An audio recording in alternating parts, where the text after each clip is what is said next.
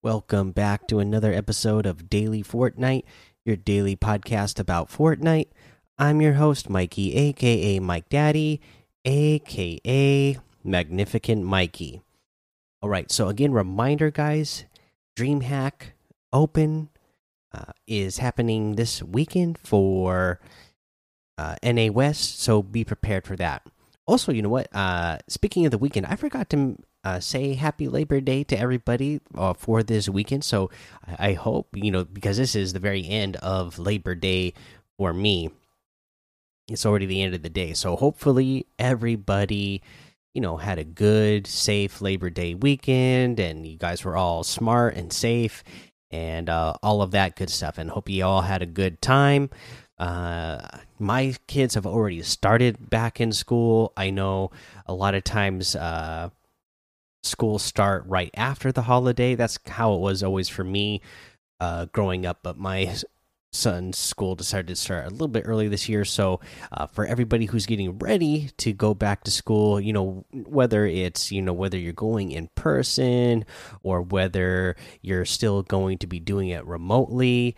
Uh, either way, I hope you have a good school year make the best of it as you can. Uh, and uh, you know, I hope it all you know goes well for you. Uh, you know, summer's coming to an end, uh, but still gonna have uh, you know a good.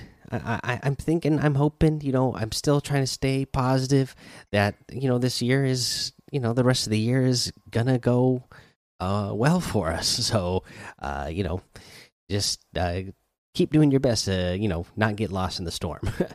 uh, can be pretty easy this year, but uh, we're holding in there strong and uh, just totally love this community.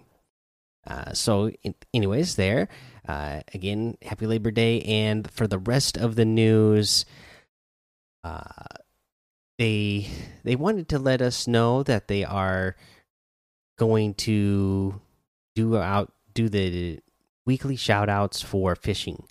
Uh, and I don't think I mentioned this yesterday. Let me double check the post here. Yeah, this post they just put this up today. So uh, I didn't mention it yesterday. So here's what they said: introducing the hashtag Fortnite Fishing Catch of the Week. Each week for the next few weeks, we'll ask you to show off your best catch. This week, show off your best blue flopper. They look just like regular floppers, but a bit blue. So there you go. So when you're out there fishing, you know, uh, and you're catching some big blue floppers, uh, you know, we'll have them in your record book and whatnot. Go over to uh, the the Fortnite uh, page on Twitter and do the hashtag Fortnite fishing uh, and post it on that post and everything. And uh, you know, they're going to be shouting out people on social media. And again, you know, it's just always a cool, fun way uh, to get, uh, you know, some extra eyes on you, at least for, uh, you know, a few minutes. Pretty cool. Let's see here. Uh, other than that, you know, no news today. I'm sure that uh, you know the devs over there were taking, uh, you know, or most of them at least, were hopefully getting a day off and getting the holiday. Uh, let's see here. So for weekly challenges, search chests at Salty Springs. My goodness, this is a horrible one, right?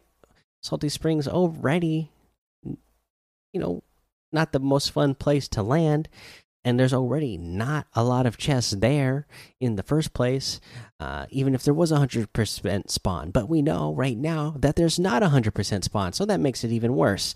But what you can do to increase your chances in this is go to Team Rumble. In Team Rumble, you're going to get more chests, uh, you know, and maybe you'll get lucky with however the map splits. Maybe Salty Springs is going to be closer to you, uh, wherever the the bus path is taking.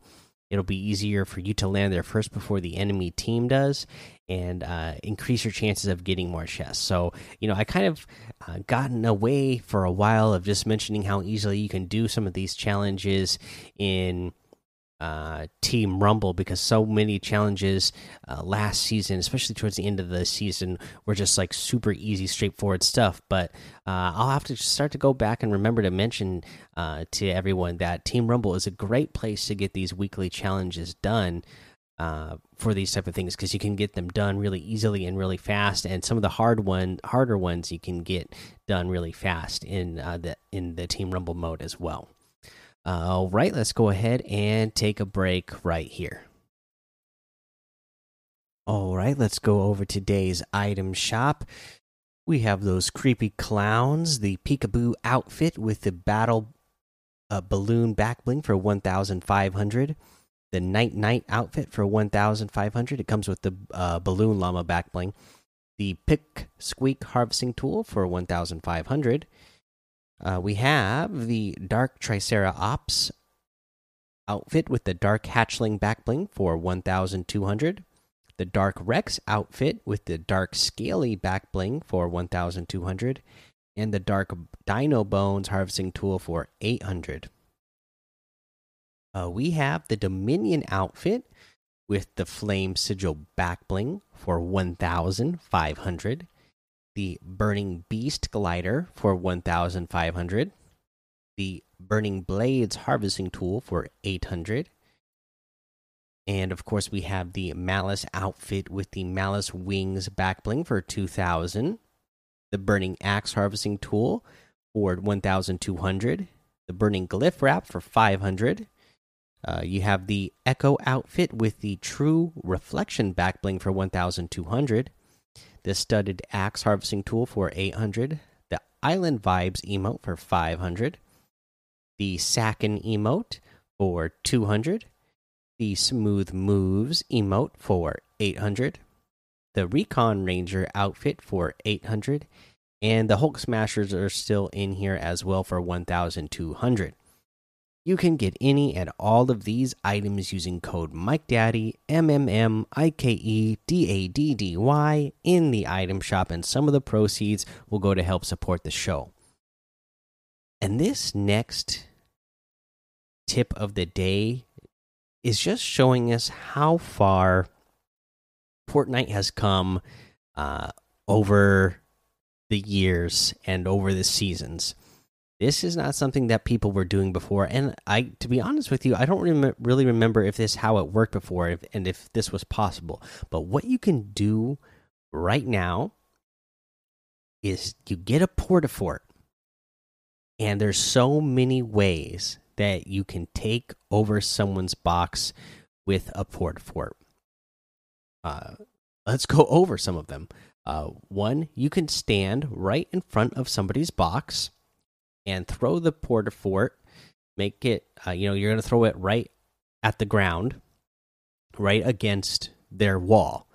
And now it doesn't matter if they're spamming that wall or not because you're throwing the porta fort and it's going to build the porta fort. And the, that wall that they're trying to hold, it is going to automatically be replaced with the wall from the porta fort. And now you can edit that wall and, you know, get a great edit kill on your opponent. So that is an awesome way to use portaforts. Uh, and then I saw a couple different tricks with this. So if you are facing forward when you uh, do this, there's going to be three tire, uh, three of those piles of tires that you can bounce on right in front of you. So if you turn to the right or turn all the way around, it'll make it so that if you turn to the right, it'll make it so that there's only two piles of tires on the left and the right hand side, not the one in the middle. So you have uh, a way to be able to walk forward and make an edit at least, and not have to worry about running into those tires. Uh, so you can make an edit, a window edit right there in the front, or a door edit, and uh, make it a little bit easier so you have uh, so you you won't run into those tires as much. And again, like I said, the other thing you can do is turn all the way around, so facing away from their box and then at that point then the door is going to be facing their wall automatically uh, the door on the porta fort so now you have an edit there already and then you can just open the door and uh, make your make your elimination on your opponent and now the other cool way to use porta forts right now is on top of somebody's box. Again, because a lot of people aren't going to expect this. They are going to have their cone and their uh, floor on top of their box, right? Now you throw your uh, porta fort right on top, and now you own that floor. Uh, they no longer own. They, they it's going to break their floor and break the edit that was there.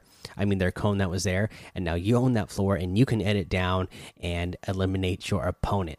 Uh, just a really cool way with porta forts now that uh, you can easily take over somebody else's box.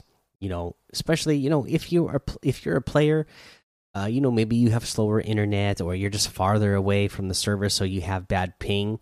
This is a guaranteed way that you are always going to be able to take over your opponent's wall. So if you have those porta forts, uh, that's going to be good for you.